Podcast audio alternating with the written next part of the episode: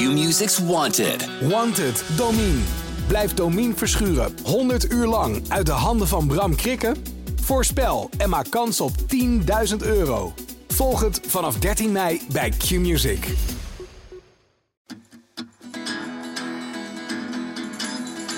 Welkom bij Culturele Bagage, de wekelijkse cultuur- en tijdsgeestpodcast van de Volkskrant. Mijn naam is Esma Linneman. Snel rijk worden, financieel onafhankelijk zijn en vervolgens luieren aan het zwembad in je villa in Dubai of aan het strand van Bali. Een groeiende groep influencers belooft via online programma's bakken vol geld. Het enige wat hun volgers hoeven te doen is geld in te leggen en wat simpele principes toe te passen. Deze zogenoemde finfluencers strooien met soms spirituele mythes over geld. Financieel succes kun je zelf manifesteren of bereiken door bijvoorbeeld elke dag om vijf uur ochtends op te staan. Finfluencers lijken vooral grip te hebben op een jongere generatie. Jonge mannen en vrouwen die steeds minder been zien in een 40-urige werkweek in loondienst. Werken heeft onder jonge mensen een PR-probleem. Dat constateerde onze verslaggever en columnist Emma Curvers afgelopen weekend in een snedige column over die lokroep van finfluencers. Volgens haar is het hoogst tijd voor een glamorisering van het bestaan met een baan. Denken jonge mensen radicaal anders over werken in loondienst? En waar komt dat verlangen naar luier op het strand vandaan? In welk gat springen deze influencers met hun belofte van snel geld? Nou, daarover praat ik vandaag met verslaggevers Haro Kraak, Marieke de Ruiter en aangeschoven is natuurlijk ook onze eigen Emma Curvers. Welkom Emma. Jij maakt hier dit weekend druk over finfluencers. Ja. Wie zijn dat? Wat zijn dat? En wat is volgens jou het probleem? Ja, nou, de finfluencer is natuurlijk de, de financiële influencer. Even de basis. Ja. Dat, dat zijn mensen die we al een heel aantal jaren op sociale media zien. Uh, vaak uh, spiegelen ze daar een hele ja, glamoureuze levensstijl voor. Uh, ze logeren in dure hotels, dragen merkkleding en hele zware polshorloges. Um, wat is het probleem? Um, dat is dat succes vaak best wel als een maakbare iets wordt voorgesteld door veel influencers. Jij kunt miljonair worden. Ook jij kan het. Kijk maar naar mij. Het is heel makkelijk, wordt er vaak gedaan. Er gaan allerlei wilde beloftes in die scene eigenlijk uh, rond. Mhm. Um, en daar zit ook een heleboel advies bij, um, ja, waar je wel vraagtekens bij kan zetten. Een ander probleem is dat ze vaak in een beetje grijs gebied ook opereren. Ze geven soms financieel advies, terwijl ze dat ja, strikt genomen niet mogen. Ja, en het jammer is ook dat daarbij werken voor een baas vaak als een heel meelijwekkend iets wordt neergezet. Uh, vaak zeggen die mensen, nou ja, vroeger moest ik uh, gaan werken. Dat was heel erg naar en verschrikkelijk en ik was een soort slaaf. Uh, en, en zo wordt dat dan ook neergezet als deel van de matrix als je in loondienst bent. En dat is iets wat je eigenlijk moet vermijden. Waar je aan moet ontsnappen. Ja, je moet financieel onafhankelijk worden. Dat is eigenlijk het grote doel. Onafhankelijk van het systeem. Um, en eigenlijk ook liefst weg uit Nederland. Vaak ja, hoort naar erbij. Bali, hè? En Dubai. Nou, of naar Dubai, waar je heel Ja. weinig inkomstenbelasting hoort, hoeft te betalen. Er zit ook echt waar vaak een soort anti-overheidssentiment bij. En uh, anti-belasting, uh, eigenlijk anti-systeem uh, sentiment. En dan kun je daar aan je zwembad een beetje op passief vermogen teren, toch? Ja, bijvoorbeeld. Of Ja. je gaat uh, profiteren van alle crypto die je hebt uh, gekocht. Of uh, ja, er zijn allerlei routes naar dat miljonairschap. Haro, volgens mij heb jij ook een fascinatie voor influencers. Je Ja. schreef er meerdere keren over in onze krant. Eh, Waar komt die fascinatie vandaan? Ehm, bij mij begon dat een paar jaar geleden toen ik filmpjes zag van Great Property Experience. Eh, twee mannen die eh, ja, als YouTube-reclames dan vertelden van... als jij nu investeert in stenen, in pandjes, kan jij een passief inkomen in genereren. En eh, dan kan je financieel vrij worden. Ja. Nou, dit zijn de termen die vaak terugkomen. En wij leren jou hoe dat, hoe dat moet. Moet je, als je het echt goed wil leren, moet je wel 20.000 euro be- betalen voor de, voor, de, voor de Black Badge. Ja. Ehm, en nou ja, het eerste wat ik me daarbij dan altijd afvraag van mensen die rijk zijn geworden en anderen gaan leren om, om dat ook te doen middels een cursus. Waarom geven die nog cursussen? Dus het zijn vaak een beetje sh- shady figuren. Ja. Ja, ik ging dus kijken naar dus de jongeren die dit hierop ingingen. En toen kwam ik bij een jongen, Dylan, die op de hogeschool in Eindhoven zat. En die had ter plekke op zo'n cursusdag eh 20.000 euro geleend van iemand anders in de zaal tegen 5% rente. Nee. En had dus Hmm. geen enkel geld vervolgens om in die, die vastgoed, uh, dat vastgoed te steken. Ja. En die jongen had zich dus zwaar in de schulden gewerkt. Dacht dat hij bij de bank kon aankloppen van ik wil even zoveel ton lenen. En uh, nou, dat was er vrij snel uh, van een koude kermis thuisgekomen. En die vertelde daarover dat hij nu 150 euro per maand afbetaalt op die schuld. Door zijn fiets rond te rijden met de thuisbezorgde bestellingen. Ja. En toen dacht ik, ja, dit is dit, verhaal dit, Ja, zo deprimerend. En dat zijn dus, ik denk dat er, hij zei, ja, ik zie hier om me heen, iedereen wil, wil dit, wil, wil, wil snel geld verdienen. Ja. Get rich quick. Um, en ja, zo kwam ik er een beetje op. En toen ging ik kijken van wat is, zijn er nog meer allemaal voor uh, ja, influencers op dat vlak. En wat verkopen ze eigenlijk? Ja. Dus dit ging dan over vastgoed. Maar je ziet heel veel uh, crypto inderdaad. Um, beleggen in gewoon aandelen ook. Maar ook bijvoorbeeld e-commerce en dropshipping. Uh, wat is dat? Um, wat, hoe ik het meestal omschrijf is dat je op Alibaba uh, of AliExpress zoekt naar goedkope spulletjes die je in je Nederlandse webshop voor meer geld verkoopt. Ja. Waarbij je niet eens een voorraad hoeft in te kopen, maar de, de shipping direct vanuit China laat doen. Dus, dus eigenlijk nul risico, uh, nul meerwaarde. Gewoon ja, heel veel pakketjes die over de wereld heen gaan. van een, ja, een automatische tanden, tandpasta dispenser tot weet je, dat soort beetje, beetje gimmicky dingen verkopen ze vaak. Ja. En dat leer je dan via zo'n cursus hoe je dat moet doen. Hoe en je is je dat eigen... dan lucratief? Of kan dat lucratief nou, zijn? Uh, ik kan me herinneren dat uh, Jeroen Bergijk daar met zijn zoon een keer een groot stuk uh, over heeft geschreven. Ze hebben dat geprobeerd en dat lukte hun totaal niet. Nee. terwijl zij toch ook wel redelijk slimme mensen zijn, ja, ja. ondernemend. Dus, dus, zo makkelijk is dat niet. En de meeste briljante producten zijn al ja, bedacht en gemonopoliseerd. maar misschien lag dat falen wel aan hun money mindset. Ja, dat, dat is natuurlijk wat je, waar, waar, je, waar je, je af moet vragen. Hoe, hoe groot? Het is, ik begrijp dat het heel lastig is om dat precies te zeggen. En echte harde cijfers zijn er misschien niet over. Maar hoe Mhm. groot is deze wereld van ja, influencers nou? Ja, je, je, je, je vindt makkelijk uh, tientallen Nederlandse uh, uh, influencers, finfluencers. de AFM, de Autoriteit Financiële Markten, heeft een onderzoek gedaan naar, deze, naar dit fenomeen. En die kwam uit op 150 uh, influencers, dat is dus minstens 150. En ik geloof dat een, die, die samen een miljoen volgers hadden. Ja. Dat is alweer twee jaar geleden, geloof ik, of een jaar geleden. Dus, dus sindsdien is Dat het universum is vast uitgedijd. Ja, Ja. En, en heel veel van hen volgen natuurlijk niet alleen Nederlandse uh, influencers, maar ook uit het buitenland. Ja. Uh, dus dat is heel moeilijk om dat zo te pinpointen. Maar het is zeker wel een redelijk wijdverspreid fenomeen. Ja, en, en wat, want die jongens die jij, een jongen als Dylan die je beschrijft en die andere jongens die jij hebt gevolgd, wat, wat wordt hun nou beloofd? Wat is nou die lokroep, denk jij? Waarom vinden ze, waarom, waarom Ja. is, nou ja, het is natuurlijk Ja, eigenlijk is- logisch, het is want heel rijk logisch, worden ja. is aantrekkelijk, maar waarom zijn mensen bereid om daar geld uh, ja, in, in risicovolle producten te stoppen? Of, Nou, ik denk dat er wel een soort voedingsbodem is uh, als je kijkt naar uh, de, de bestaanszekerheid. Ehm, Ik denk heel veel jongeren groeien op met het idee. Um, ik ga nooit een huis kunnen kopen omdat het toch uh, met een vaste baan niet haalbaar is. Ja. Um, en ze, ja, ze, zien op, op social media dat hè, mooie auto's, uh, dikke reizen naar Dubai, dat soort dingen, dat is haalbaar kennelijk. Het wordt hun voorgeschoteld als je Hm. maar dit en dat doet. Ja. Als je deze cursus even neemt. Dus ik denk dat dat materialisme aan die kant ook soort van geaccepteerd en genormaliseerd is. mm, En dat daar tegelijkertijd, Emma stipt het al even aan, een soort wantrouwen tegen het systeem in zit. Dat is heel, heel diep. Want daar word je door genaaid. en Ja, het systeem- Daar moet je je onafhankelijk ja, van maken. Het systeem is tegen jou en inderdaad onafhankelijkheid is denk ik het belangrijkste begrip. Uh, want wie slapend rijk wordt, kan de hele dag chillen en is van niemand meer afhankelijk. Ja, nou had ik net al over money mindset. Uh, Emma, jij beschreef dat deze wereld eigenlijk uh, ja, vol zit met geldmythes. Hè? Met soort bijna spirituele overtuigingen over hoe je snel geld kunt verdienen. Wat kwam jij allemaal tegen? Ja, ja, er zijn eigenlijk denk ik een beetje twee varianten van deze wereld. Dan hebben we het misschien over de, de wereld waar Haro wat meer in zit. Is eigenlijk die, die verwant is aan de manosfeer. Dat is eigenlijk denk ik een vrij masculine, snel geldwereld die je op sociale media ziet. Van echt stoere mannen met snelle auto's poseren die ze vaak gehuurd hebben.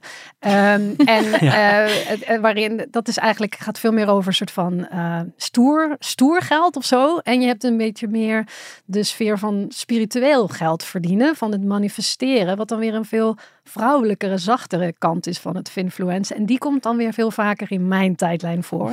Want ja, zo werkt het internet nou eenmaal. Uh, en in die manifesteer scene, ja, er zit er wel overlap in, maar uh, ja, ook daar moet je eigenlijk je ontdoen van allemaal ehm, limiting beliefs over geld. Dus je moet eh, denken vanuit je succes en je succes visualiseren. En als je dat visualiseert, dan gaat het ook op je afkomen. Dat is eigenlijk de hoofdgedachte. En dat is natuurlijk al een hele oude gedachte, hè, want het manifesteren, dat is al heel veel langer in, in zwang uit, nou ja, al Mm, decennia lang. Maar ja. dat is op sociale media en die finfluence zien weer echt opgekomen. Want ik, ik Ehm, schrok wel een beetje van die limiting beliefs. Ik ken dat uit een documentaire over een hele enge secte in, Ja. eh, in eh, upstate New York, in Nexim.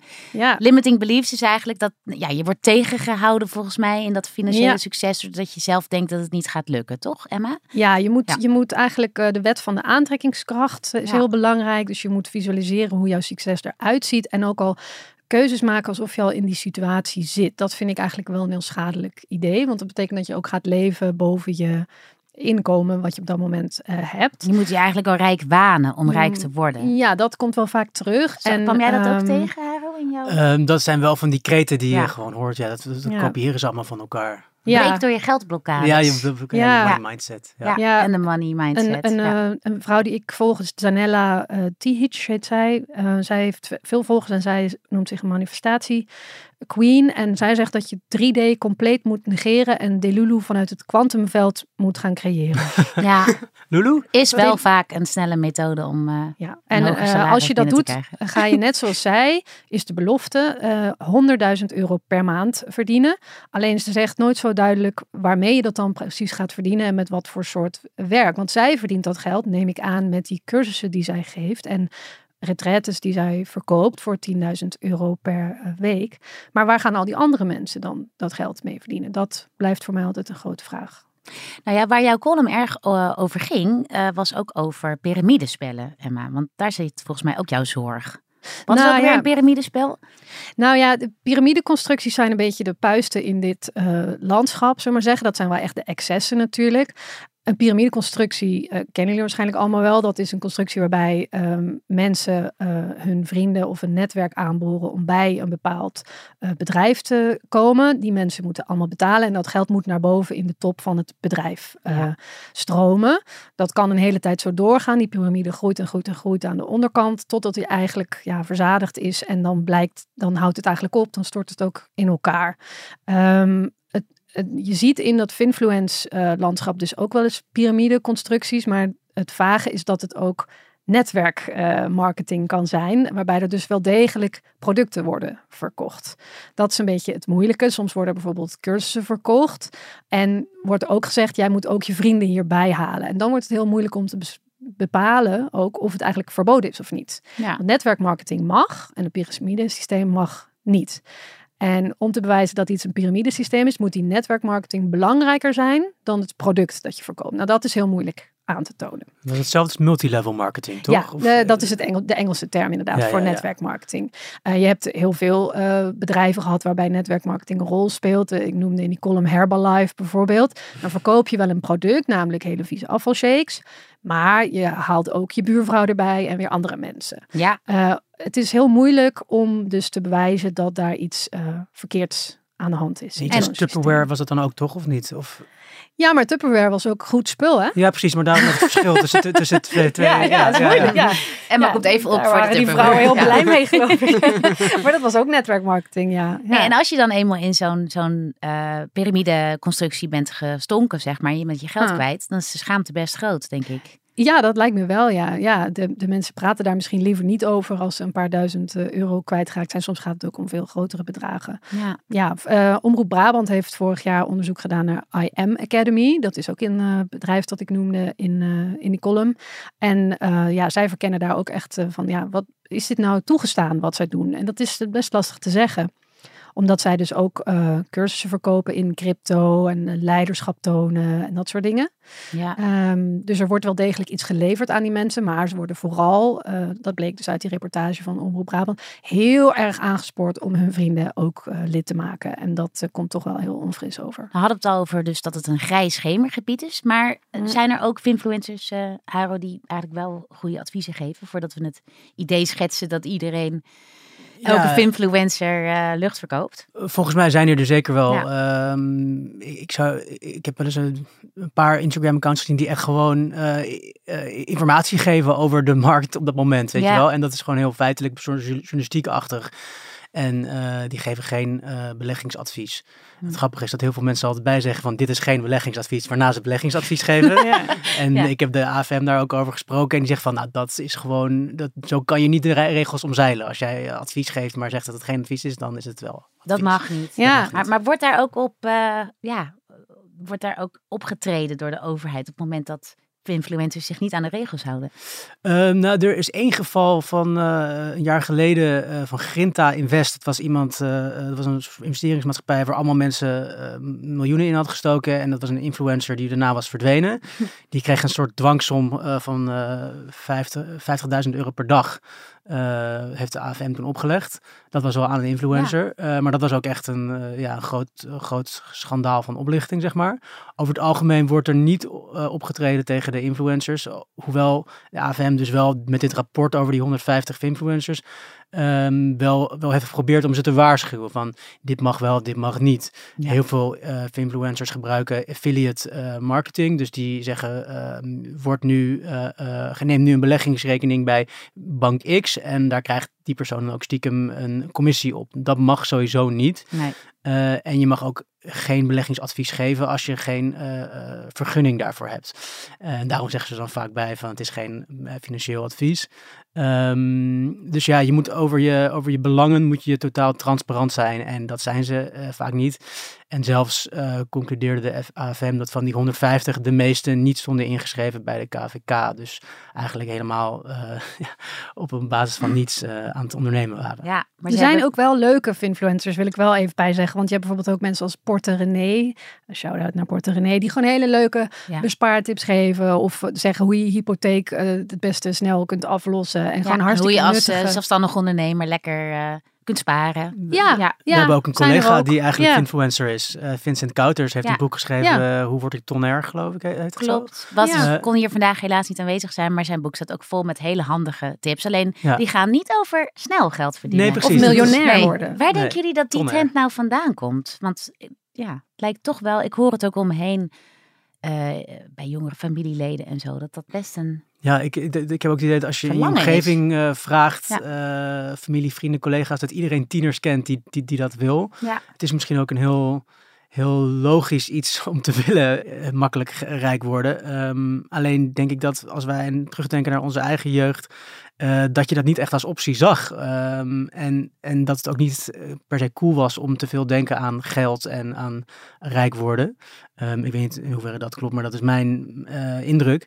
Um, dus dan denk ik toch dat dat te maken heeft met eh, de aanwezigheid van al die mensen die zeggen dat het zo makkelijk is. Ja. En uh, ja, de voedingsbodem van ook het idee hebben van ik kom anders nergens in het leven zonder een uh, vermogen op te bouwen. Ja, precies. Zegt dit nou wat over het arbeidsethos van millennials en Gen Z'ers? Aan tafel zit ook Marieke de Ruiter, uh, verslaggever economie. Um, als jij hier allemaal zo naar, naar luistert, wat denk jij, is het representatief voor, voor hoe jonge mensen over, over geld verdienen denken? Of zit dat toch zit dat toch wat anders in elkaar? Um, nou, uh, om je eerste vraag denk ik te beantwoorden, als het gaat over uh, uh, jongeren en werk, dan zien we toch dat er in ieder geval niet een massale afkeer is van het loondienstverband. Er werken meer jongeren dan ooit en Nederland doet het ook heel erg goed. We staan eigenlijk bovenaan als het gaat over de arbeidsparticipatie van jongeren.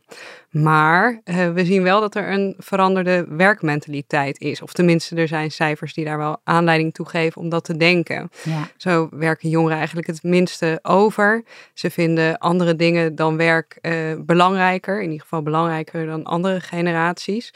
Dus er lijkt wel een soort verandering te zijn waarin nou ja, eigenlijk jongeren niet meer zozeer leven om te werken, maar werken om te leven, zoals dat dan vaak wordt gezegd. Dus daar lijkt wel een kleine verandering in te zijn. En nou ja, als je kijkt naar wat daar dan de oorzaken voor zijn, dan ja, het is dan heel verleidelijk om te denken dat nieuwe generaties lui zijn. Dat wordt dan altijd gezegd over jonge mensen. Maar het heeft eigenlijk. Dat is een sticker die ook hier overheen wordt geplakt. Ja. eh, Ja, over deze dat is het beweging gevaar. van jongeren Ja. willen met Ja. snelle halen, snel thuis zijn en hebben geen zin meer om te werken. Ja, eigenlijk, hè? maar goed, dat wordt eigenlijk altijd gezegd. Ik bedoel, de managers en de politici die nu wijzen naar luie jongeren zijn zelf van de patatgeneratie. Die waren, werden ook al lui genoemd. Dus dat is eigenlijk altijd een beetje wat wordt gezegd. En het is altijd goed om te benadrukken dat de verschillen binnen generaties altijd veel groter zijn dan tussen generaties. Hè. Het is veel eh, bepalender eh, waar je wieg staat dan wanneer je eh, bent geboren. Als het gaat over bijvoorbeeld je sociaal-economische positie. Maar ehm, wat denk ik wel belangrijk is voor generaties, of in ieder geval wat ze met elkaar delen, zijn de omstandigheden waarop ze, waaronder ze op de arbeidsmarkt komen. En Ja. deze komen op de arbeidsmarkt op een moment van enorme arbeidsmarktkrapte. Er zijn enorm veel eh, personeelstekorten. Dus ze hebben de banen voor het uitkiezen. Dus het is wat dat betreft ook logisch dat zij andere eisen durven te stellen dan mensen die tijdens bijvoorbeeld een crisis op de arbeidsmarkt komen. Die zijn eigenlijk al lang blij dat ze überhaupt werk hebben. Ja. Dus zij durven te zeggen, eh, ik wil graag op vrijdag vrij en op eh, woensdagochtend wil ik naar een roadcycle lesje voordat ik begin bijvoorbeeld. Dus ehm, daarin zijn verschillen. En ook, ja, deze jongeren komen op de arbeidsmarkt op, in tijden van eh, een pandemie die er toen was. Dus ze zijn ook eh, heel erg gewend aan het thuiswerken bijvoorbeeld. En ze zijn allemaal ook erg bang voor een burn-out. Want dat hebben ze bij hun broers en zussen zien gebeuren. En dat willen ze zelf ook niet. Ja, dus jij beschrijft eigenlijk een generatie die verstandiger is dan wij.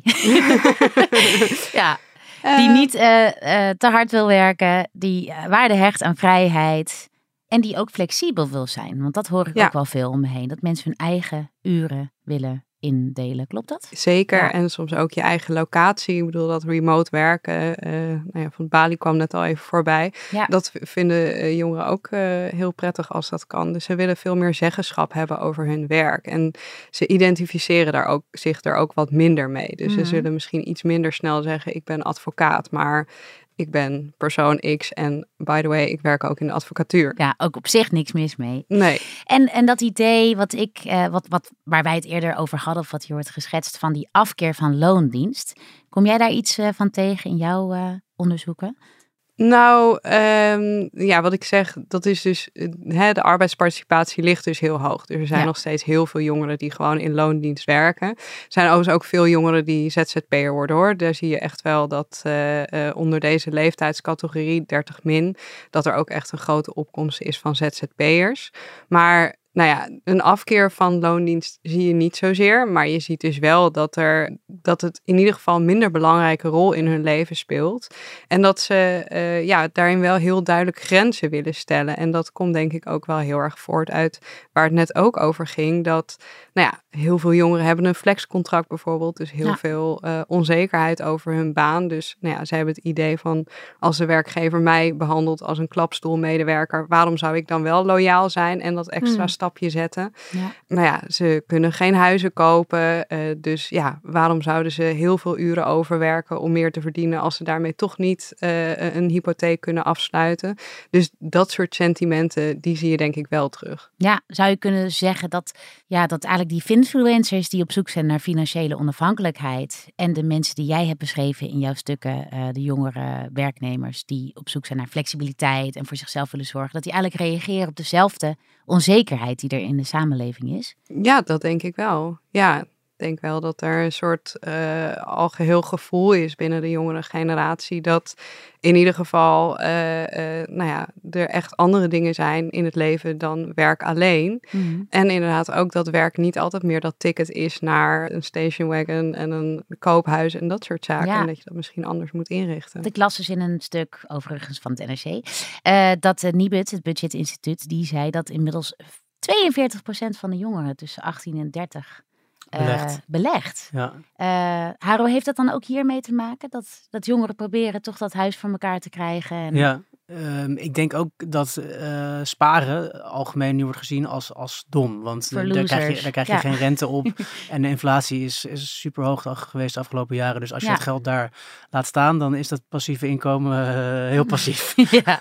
en eh, ja, dus, dus ik denk dat, dat, dat, dat, dat de- die hype op beleggen dat wel een beetje verklaart. Ja, ja. En Emma, jij schreef in jouw column dat, nou ja, eigenlijk bestaan met een baan wel weer wat meer glamour zou kunnen gebruiken. Eh nou hoorden we net van Marieke dat gelukkig nog steeds heel veel jonge mensen toch wel willen eh, werken. Het is nog Eigenlijk meer dan heel ooit. glamorous om te werken. Ja. Maar wat zouden we misschien toch kunnen doen om, om dat werken in loondienst eh, een beetje aantrekkelijker te maken? Voor al die mensen die nu misschien gevoelig zijn voor de lokroep van het snel Ja. geld verdienen. Ja, precies. Want het zijn Ja. vooral die finfluencers die, die gewoon op die hopeloosheid een beetje in proberen te spelen. Met het idee van je wordt uitgebuit als je een baan aanneemt. En dat, dat is natuurlijk gewoon nou, in de meeste gevallen, zullen we maar zeggen, niet zo.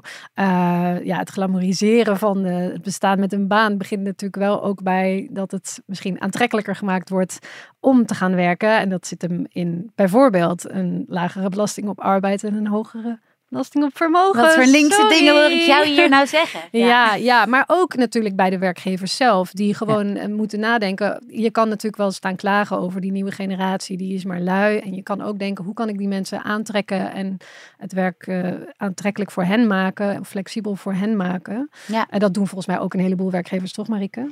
Ja, noodgedwongen zijn ze daar nu wel over na aan het Oh. denken. Ja. Goed ze aan die arme lui. eh, Wat denk jij wat er mensen anders of beter kan om deze generatie beter te bedienen, zeg maar? Ja. Nou, ik denk dat je inderdaad heel erg moet inspelen op de flexibiliteit die jongeren eh, verlangen. Dus eh, ja, jongeren vinden het niet meer een heel aantrekkelijk idee om te studeren en daarna aan een baan te beginnen en dat de rest van hun leven te doen, vijf dagen in de week. Dus kan je niet zeggen, je staat vier dagen voor de klas en die vijfde dag kan je lekker yogales gaan geven bijvoorbeeld. Of weet ik veel, in een verpleeghuis werken. Maar zorgen dat er wat meer afwisseling is eh, in een loopbaan. Misschien ook wat meer vrijheid in hoe je invult. Niet meer van 9 tot 5. Maar als je inderdaad eh, tussen de middag wil kitesurfen, dan kan dat. En dan werk je wat langer door. Iets meer mee proberen te denken in wat de behoeften zijn van jongeren.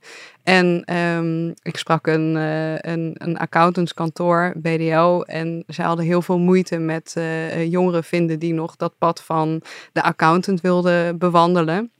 En zij hebben gewoon een, eh, een ja, soort jongerenraad aangesteld. Met wie ze eh, overleggen over bijvoorbeeld secundaire arbeidsvoorwaarden. En een van de dingen die zij zeiden was van ja, waarom zouden we een leaseauto willen? Want we wonen toch allemaal eh, in het centrum van Amsterdam. Of in ieder geval ergens waar je daar helemaal niks aan hebt. Liever willen we de, de mogelijkheid hebben om eh, 32 uur voor eh, 32 dagen vakantie op te nemen, bijvoorbeeld. nou Ja, goed. ja. Op die manier, volgens mij is het allerbelangrijkste. En dat is natuurlijk een super groot cliché.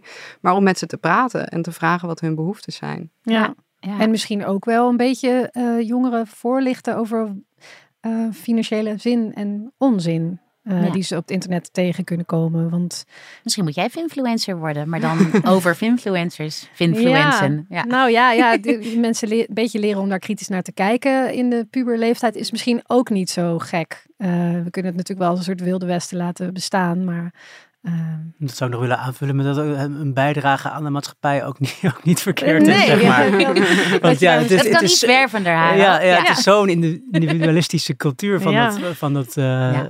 eh, influencen. Daar maak ik me dan heel erg zorgen om. In tijden van die tekorten eh, in de zorg, in de techniek, in het onderwijs. Maar ja, als ik jou hoor, Marieke, eh, valt het wel mee met die arbeidsparticipatie. Nou, de Ehm, tekorten zijn heel groot. En eh, ik bedoel, de arbeidsparticipatie ligt heel hoog. Dus heel veel jongeren werken. Überhaupt werken Nederlanders heel veel. Maar we werken wel weinig uren. ja. Dus qua uren is er absoluut wel winst te behalen. Ja. Ja. nou en in die situatie is het toch gewoon best wel triest als je mensen die in principe een heel nuttige rol in de samenleving kunnen vervullen, gaat aanmoedigen om hun fortuin bij elkaar te manifesteren. Ja, sorry, maar dan, eh, ja, daar kan ik echt wel om janken. Ja, en dan moeten mensen misschien ook beter tegen beschermd worden, vind je niet, Haro? Eh, ja, de AFM mag dan weer meer optreden. Ja, ja, ja. ja. En wat zou je, wat zou je tenslotte tegen mannen als Dylan willen zeggen, die, nou ja, dus nu 20.000 euro zijn kwijtgeraakt aan een eh, shady eh, eh, shady constructie.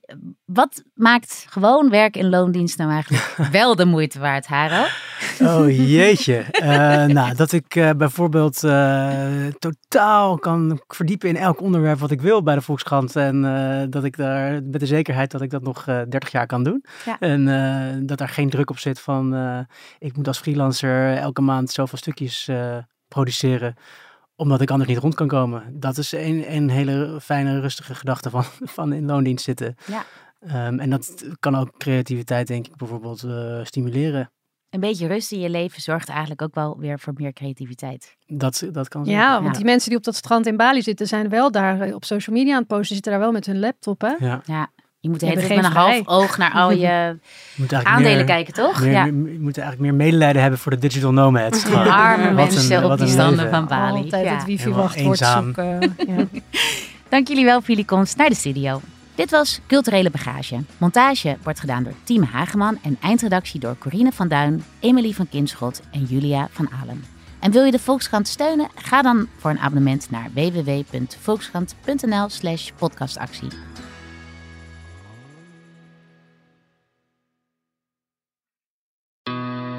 Q-Music's Wanted. Wanted, Domine.